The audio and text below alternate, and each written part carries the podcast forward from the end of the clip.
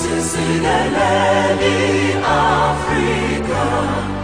Maluphakanyiswe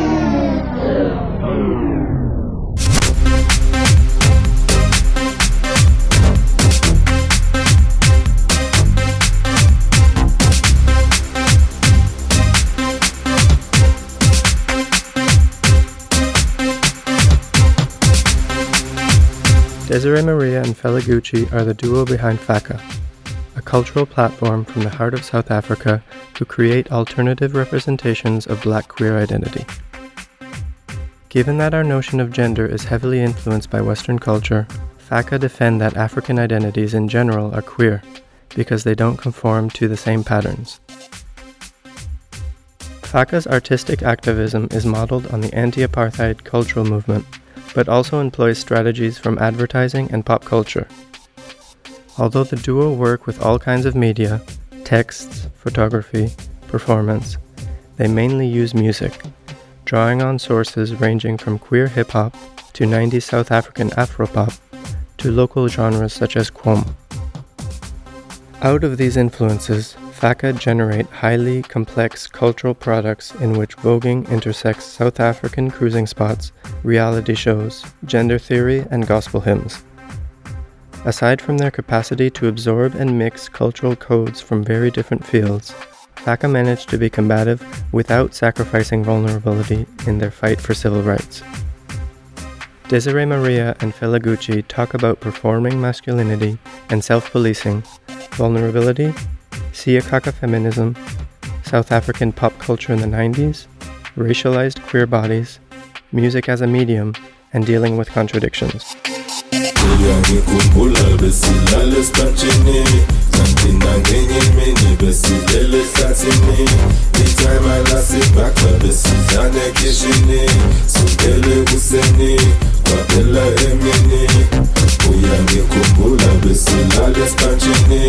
Uyangikhumbula besilala esipatshini santina ngenye imini besilele ehlathini ithayima lasibhaxa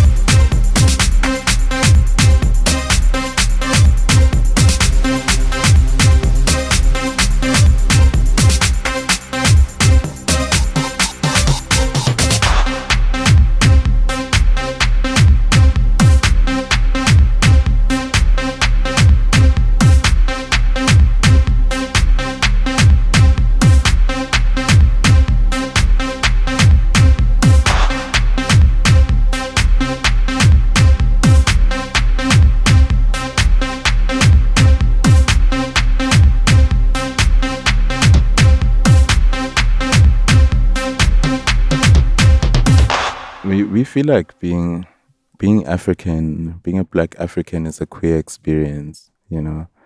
And I think that difference from us is rebuking the institution of gender because it's a very Western idea.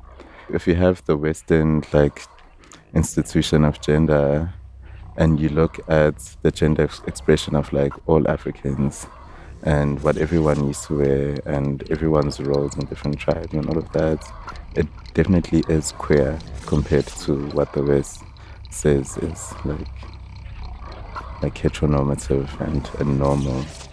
So I think that's where we start. Like we are, we definitely are queer because we're Africans in a Western dominated world.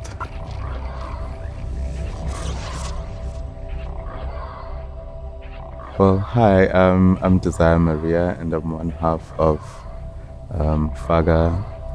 And uh, Faka is a cultural movement, and the primary aim is to create alternative representations of Black queer identities. And I was born and raised in Durban, and yeah. I'm the other. I'm Fela Gucci, the other half of Faka. Um, I'm from Katlehong, which is in the east end of Johannesburg. Yes. I, I grew up in, in, a, in a small town called Amandawe, and it's in the south coast of KZN, like maybe an hour, an hour, an hour and a half from Durban. And um, it was it was quite it was quite an interesting and complex place. And the experience growing up there was was also equally complex because I think when I was very young I didn't quite relate with with my surroundings, and it sort of um, it it ignited this fire to to sort of move away and go to bigger cities where where I could see myself really and where I could explore myself and, and become myself. So I moved to Johannesburg at a very early age when I was 14 to go to boarding school at um, the National School of Arts, and a few years later, I then met Fela, and just yeah, carried on. Um, yeah, I'm also I'm from a township called Katlehong, and growing up queer there was yeah quite an isolating experience. There weren't a lot of queer people around me, um, and yeah, like Desire, um, moving to Joburg was necessary for me to realize myself as well and to explore my queer identity in a way that my neighborhood or where I came from didn't allow me to do that like freely. I'm not very close with my external family. Um, I was raised by my grandmother and my aunt, and those are the people that I'm close with. But I'm not very, I'm not comfortable with going back home, like for like Christmas or like Easter weekend or things like that, because I'm expected to perform, to be a certain way, uh, to be masculine, and when I am there, I have I do perform masculinity because I know that it's a way of protecting myself.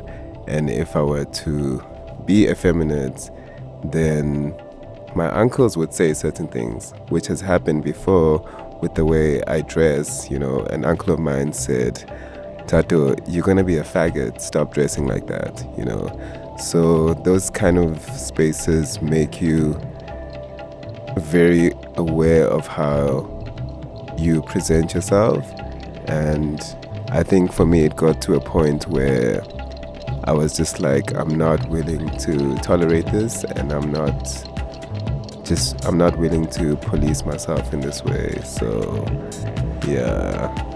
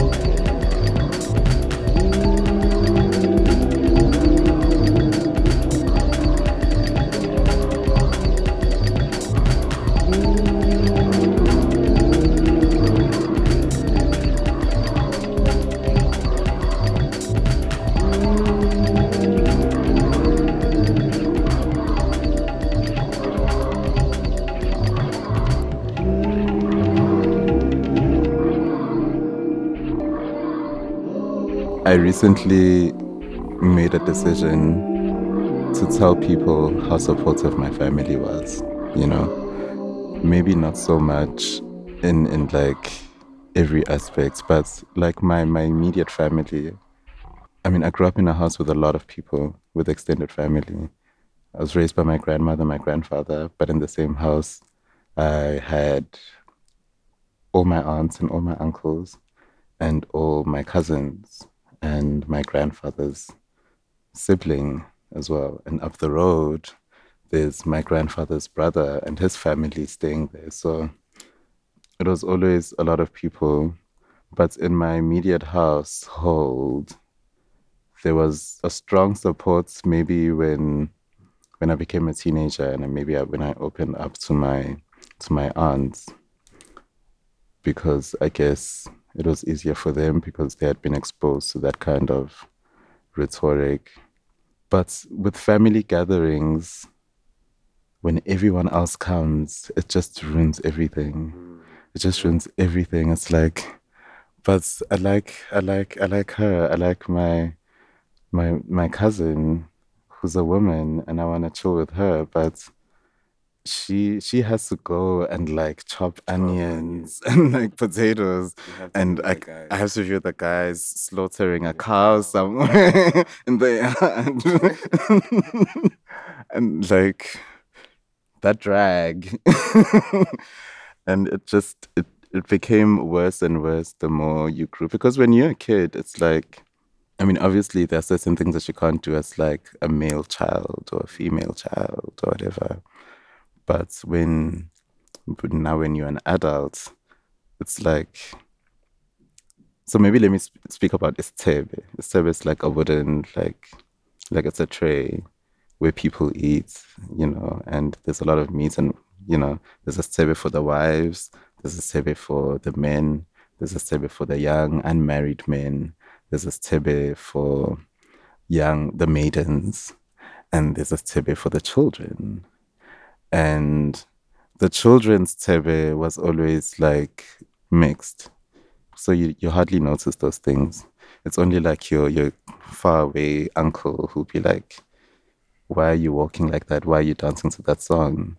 But the more you grow, now you have to sort of eat in the men's tebe Mm. and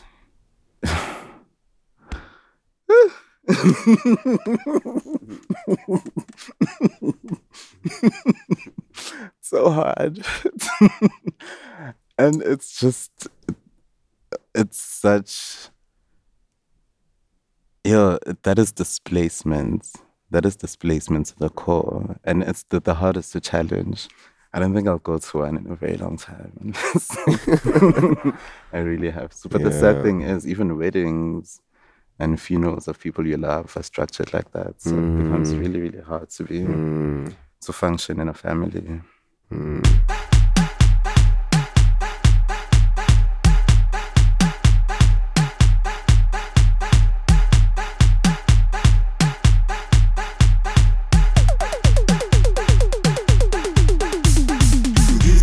it's really important for us to create, yes, like Desire said, an alternative representation of Black queer identity because the way we present it, especially in South African media, we present it in quite violent ways, uh, very dehumanized.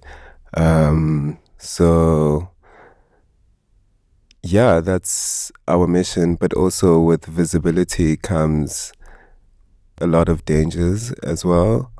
Yeah, no, visibility is quite complex. Yeah. I think, especially, I mean, some people have the luxury of not being visible, and I feel like visibility is something that you can pin down more so on uh, a gender expression level.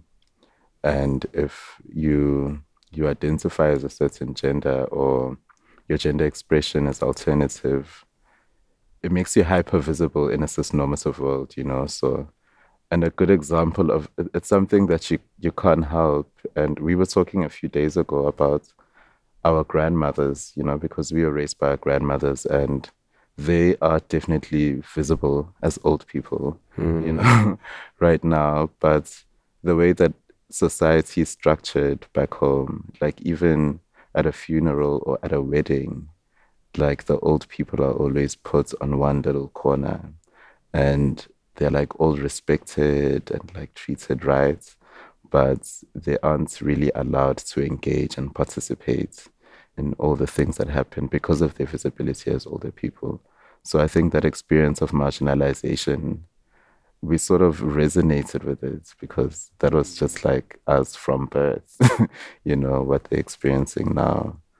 And um, we also sometimes feel that our visibility sort of excludes us from certain conversations and certain experiences in, in the world, but also it includes us and it also helps us navigate the world and find our own people and find each other and create communities. So.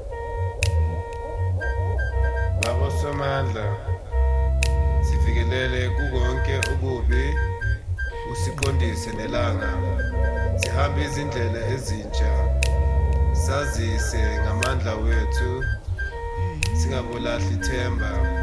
sazi ukuthi sizingilosi. Babosomandla sifikelele kukonke okubi. Usiqondise sihambe izindlela ezintsha. Sazise ngamandla wethu singabolahla ithemba. Sazi ukuthi sizingilosi. I mean, everyone knows that in South Africa you've got one of one of the most progressive laws, the most progressive constitution, you know. Um, but the culture is still very homophobic, and there's there's quite a dangerous rape culture and a, a, a dangerous culture of um, misogyny as well. And in all those situations, the law has very like has a very small role to to protect people you know? Like so many women i mean the law says like it's illegal to rape and whatever but there are so many people creating cultural cultural assets that say it's okay to sing about a woman like this in the most rapey way. There are people who who are having conversations on social media saying things that are quite misogynistic and dangerous and violent you know and those those are cultural contributors and and i think if if a law exists without a shift in culture it really has no place like you can punish people but you don't stop the actual thing from happening or from like staying alive. I mean, obviously the laws are there already, so I think we are fortunate in that sense to have the laws in place. But to further that, it, it became more about influencing culture and and hopefully making it build a better, safer society somehow.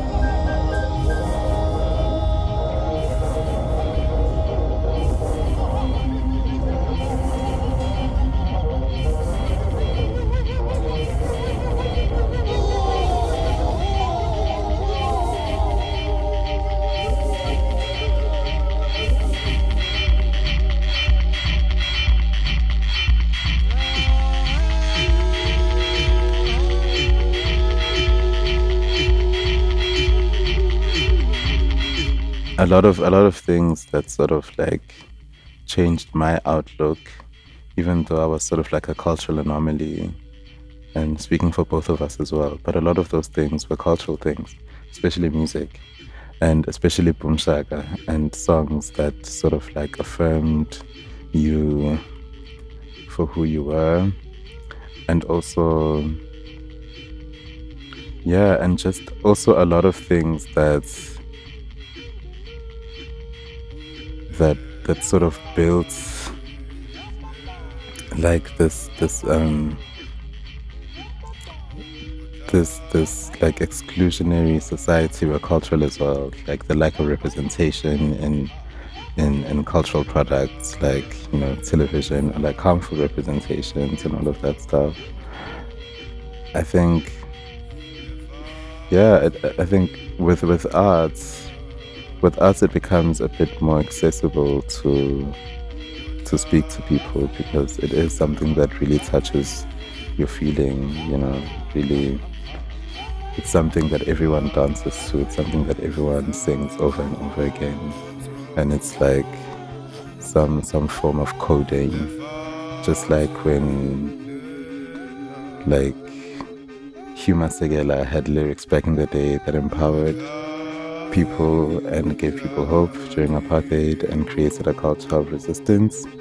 I think um, I think music and visuals that's that say something else have that same power.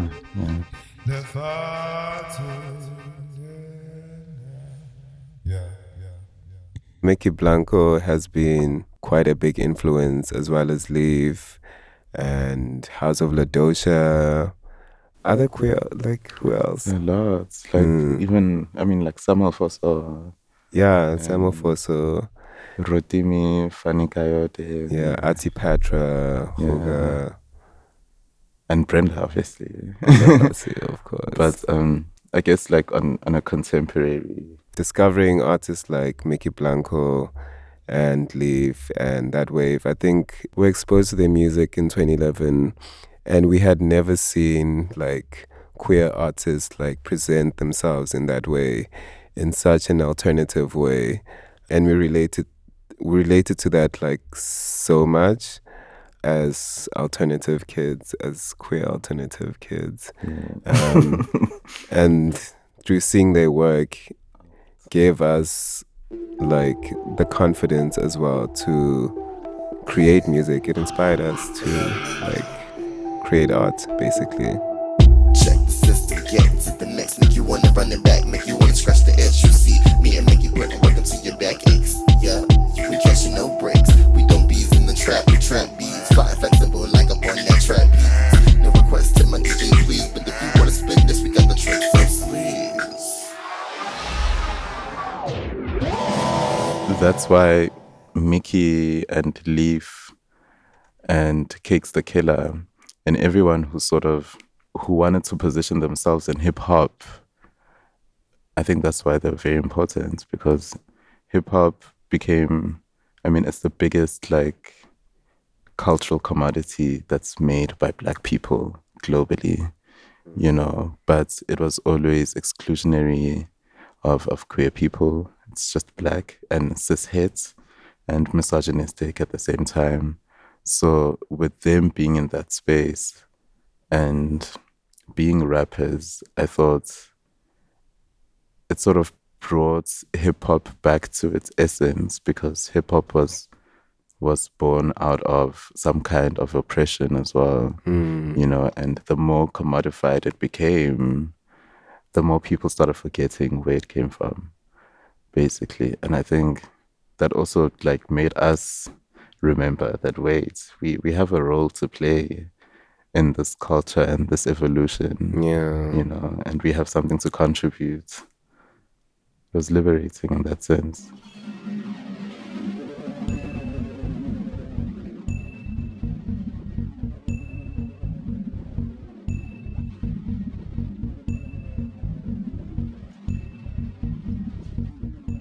I personally feel like i write better lyrics in zulu but also i think personally i think for desire as well like i grew up reading like my grandmother's songbook which has like church hymns or- Yes. yeah Yes. and like i don't know for some reason that just like stayed in my mind because every time i write i write from that perspective i think that's been my Same here.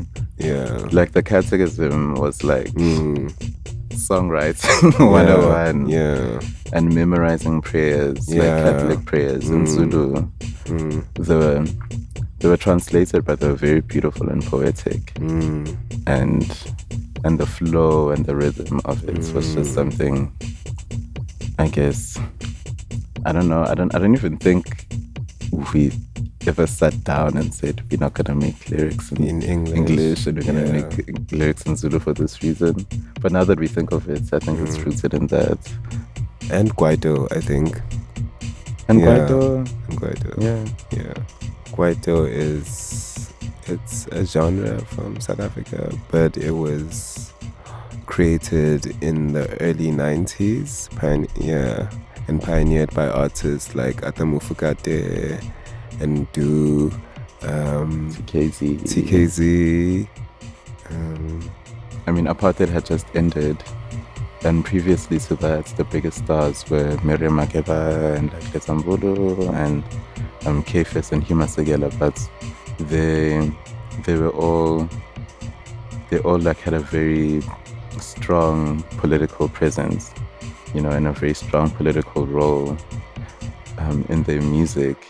And what Kwaito represented was, which was also political, but it was actually I'm gonna sing about everything now. You know, it's not just you know I don't I don't have songs. yeah it's not struggle songs now. mm, It's songs that will uplift people yeah. and yeah it was like the birth of of a new culture.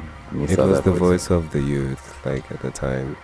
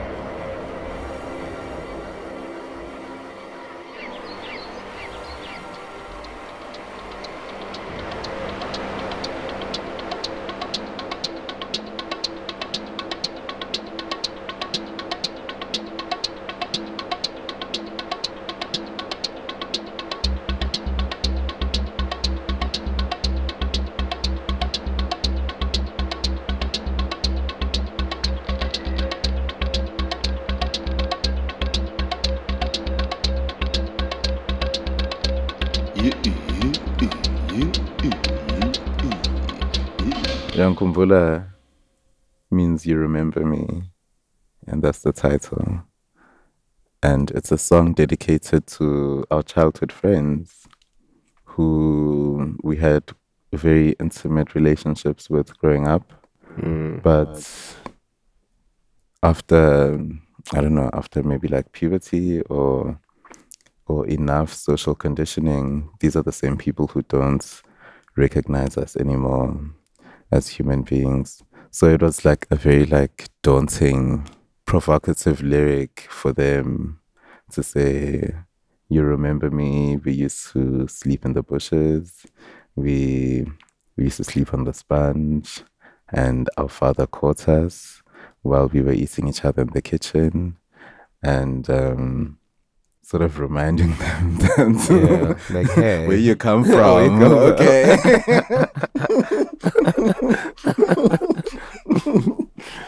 Yeah.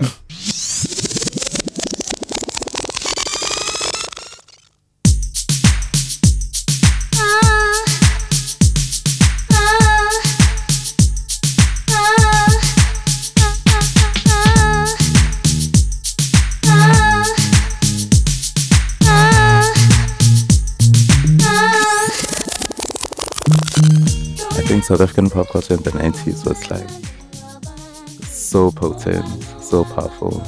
Like when we were like young, we had Brenda Fassie, Boom Shaka, queer icons, black female icons, and they presented themselves in like a very in a very sexualized way that was rooted in their agency and I think that also sort of cemented their role in in the broader liberation conversation that was obviously um, really big in the country because apartheid had just ended.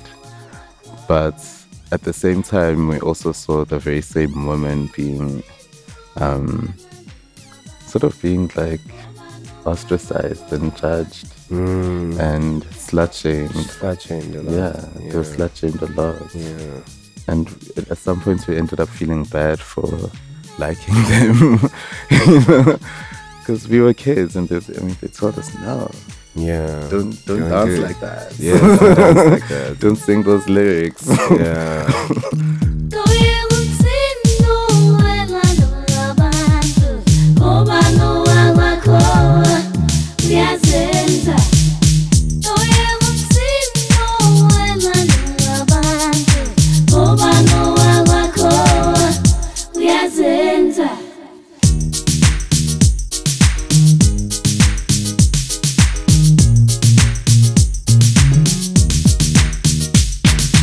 Brenda Fassie was um, a pop icon uh, from South Africa, and she was a queer woman and one of the first openly queer women in South Africa.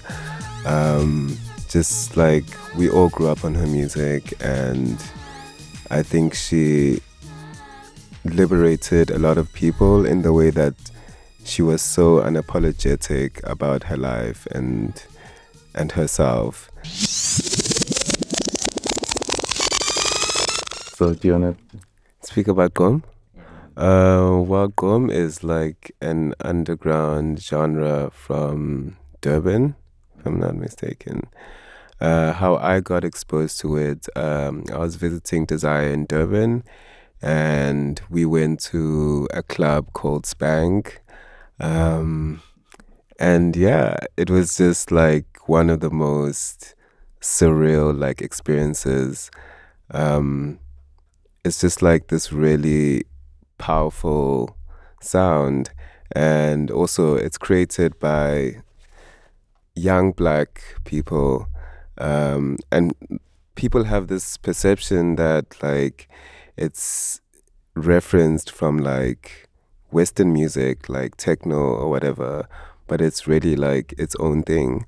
And there's like a whole culture to it, which I feel Desire could give you more context because, like, yeah, he's from, as much. Yeah. yeah, he's from Durban. That's where it's from. So, yeah. Yeah. But yeah, I guess it's it's basically that. But with Gqom, yeah, like you said, it's, it's the sound the drum makes, and the drum, the drum, like for for Zulu people, because I mean, it's a it's a musical experiment that was started by Zulu people, whilst referencing everything else that exists, obviously. But Zulu people pioneered it, and the drum was always sort of like. Um, like at the center of black spiritual music you know um, like diviners needed a drum in order to sort of transcend and to reach other i guess other realms of being you know? And at that time like i'm i'm, I'm always going to reference history but at that time it's it was very accessible to everyone you know in the land like everyone around. And what we thought was quite um, was quite revolutionary about Gqom is that using that same kind of feeling, that same kind of drum, but sort of like evolving it, obviously, because now it's like digital, and now now there are lyrics that speak about other socioeconomic realities that we all related to. It offered a different kind of healing for black youth but also at the mm. same time it, it gave black youth access to an experience and an opportunity to transcend mm.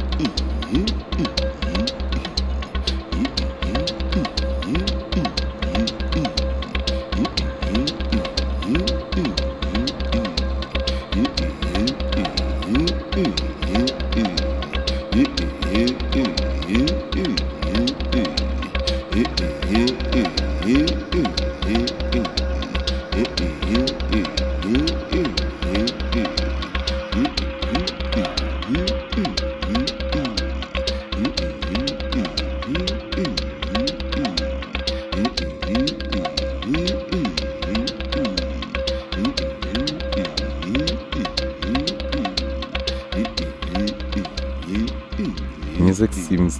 at the core of like culture you know? Mm-hmm. And we're attracted to music that challenges and creates new cultures. So at any given time, whatever music we're listening to is always music that we feel on, on a spiritual level, but also we see big a big cultural significance with that music and maybe a cultural resonance between ourselves and the music. So I think that's how we ended up with Gqom and previously we ended up with with other sounds that I, I, don't really think we can describe. Describe, yeah. And our journey with music is still continuing, and I think we we're just gonna carry on going where where the power is, but definitely music is powerful, and I think it's no surprise that it's sort of becoming our primary vehicle right now. Mm. You know, even though we do a lot of things, but yeah, it's powerful.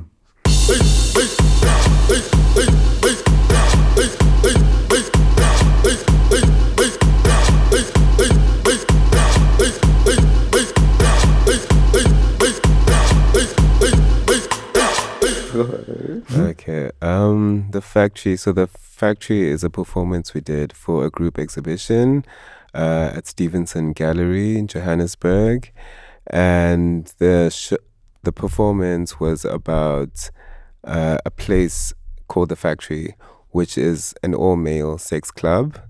Um, that we frequent sometimes. but yeah, it was just exploring like sexual liberation and the idea i guess the idea of like a safe A safe space space, yeah. as well to explore yourself sexually.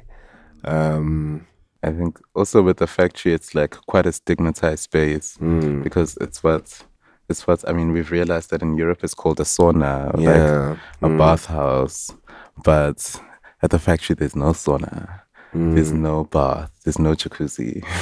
they are just dark rooms and Yeah. like labyrinths, and it's it's literally about sex, you know. yeah And um, even within our community, a lot of people have a lot of shame about going to a space like that. yeah they do Even though the world doesn't really allow them to to like realize, you know, their sexual identities. You know, it, they don't really make it easy. So you also see a weird combination of different people in the space.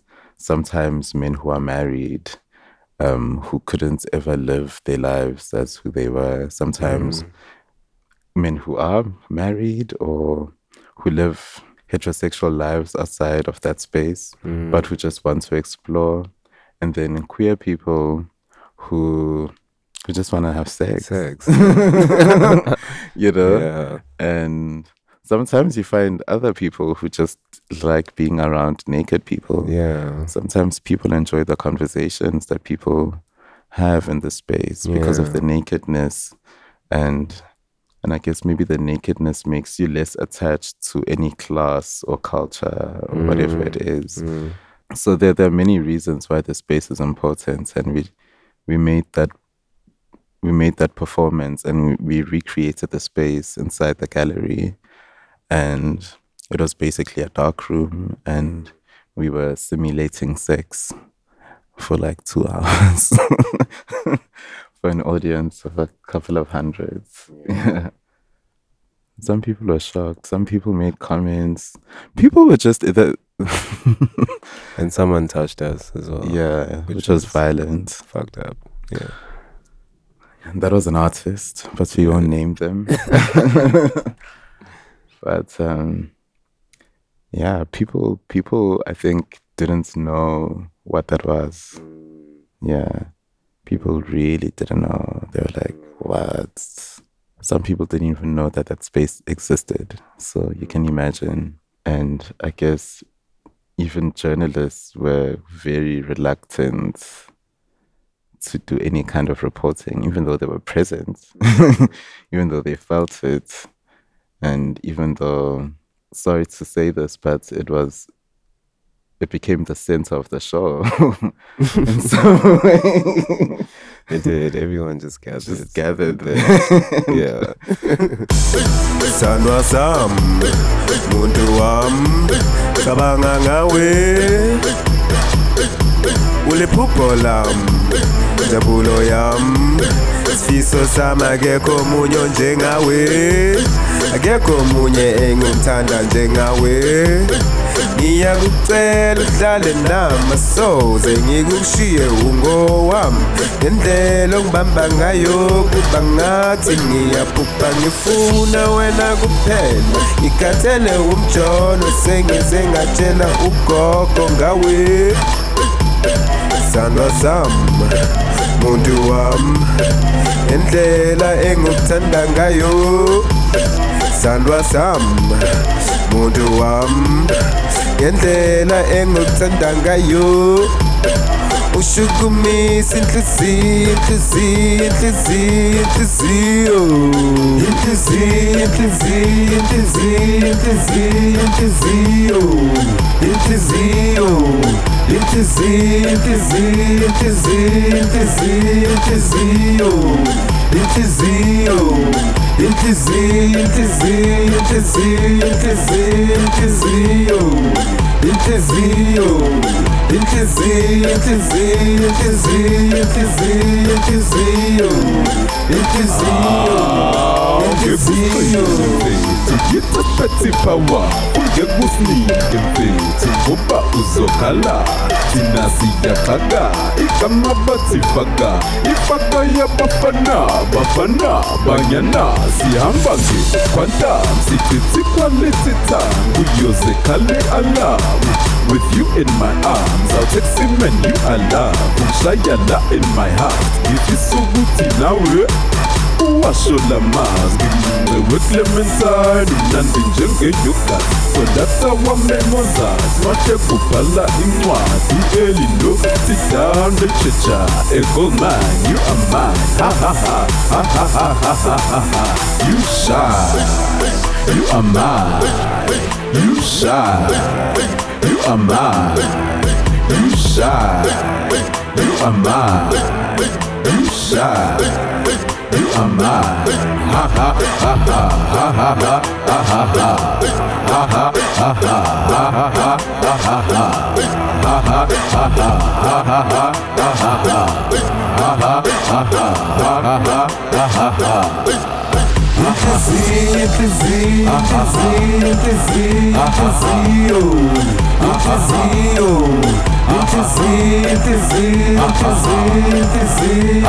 Inhliziyo, Ikezinho Ikezinho, Ikezinho, Ikezinho, Ikezinho Ikezinho Ikezinho, Ikezinho, Ikezinho, Ikezinho Ikezinho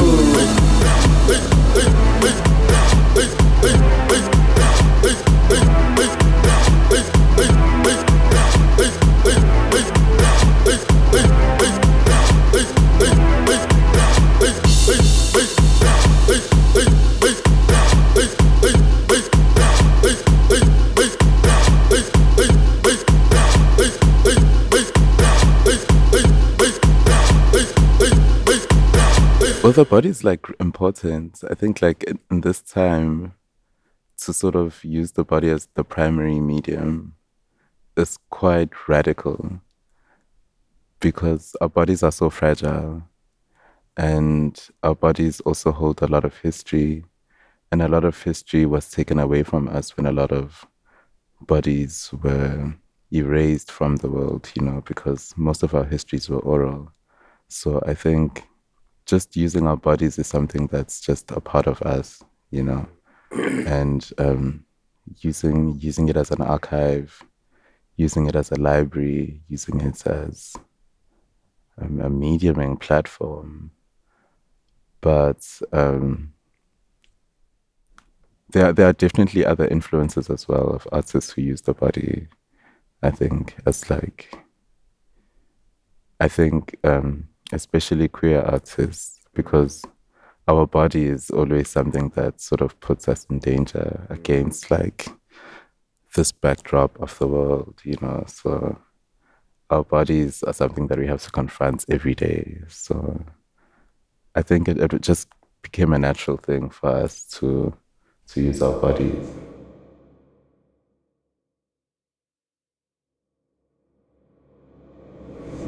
But I think for a lot of like marginalized like groups in South Africa and globally, there became like this trend of like an extreme fight and championing the fight. You know, if somebody's racist towards you or like prejudiced, you have to like clap back and say something extremely witty and like let that trend. If somebody says something like queerphobic or transphobic, you have to respond in that exact same way. And if you don't, you seem less of like a revolutionary. People, ex- yeah, it's less radical, you know.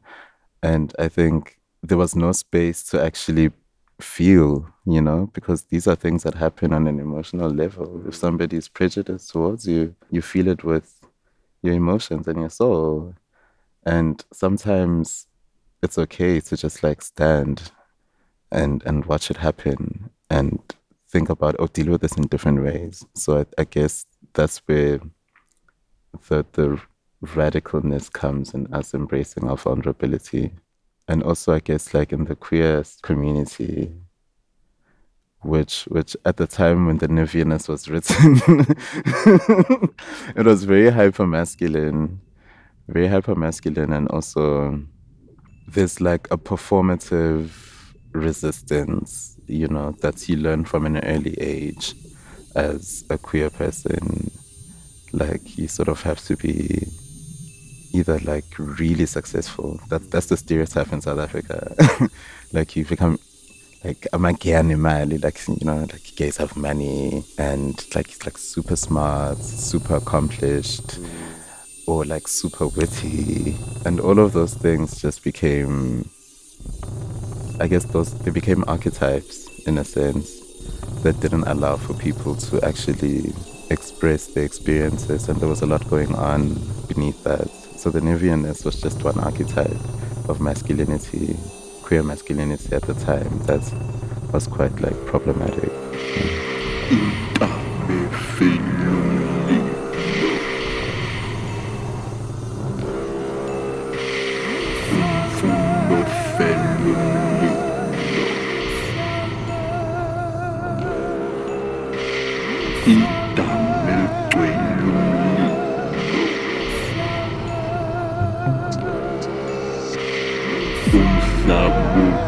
Uzuthini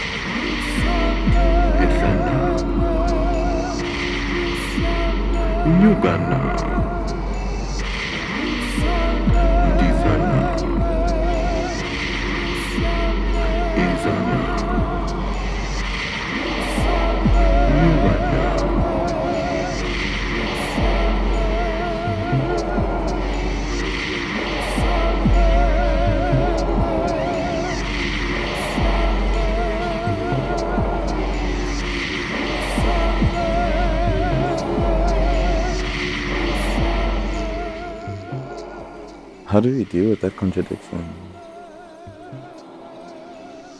Because it's there, you know? It's there, like in our love for things as well. and also being aware of how capitalism has fucked shit up back home. But I don't know, I, I guess like there's always a contradiction. There's always a contradiction somewhere. I mean, sometimes not as vulgar as that one because I feel like I can understand how that association must have been like, wait, what what's actually happening here?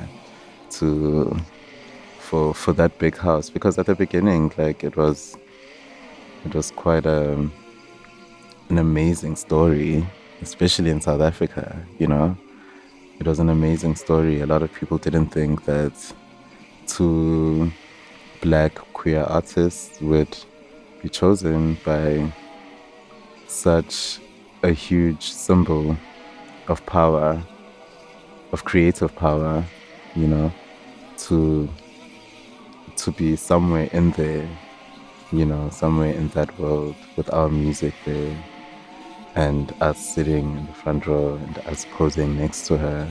I guess a lot of people didn't see us in that world, but I think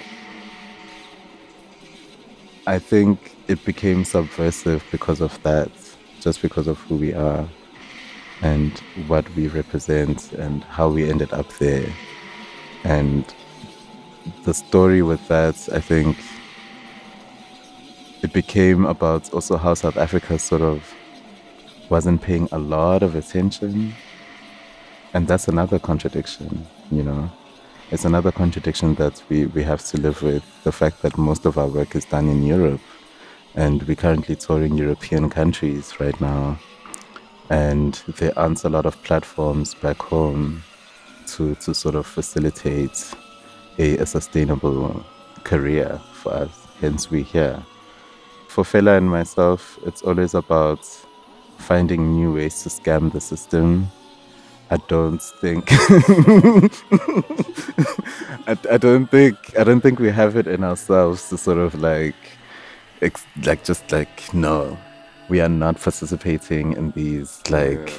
symbols of like capitalism and consumerism and and all of that but whenever we try to be involved I guess like if there's a scam フフフフ。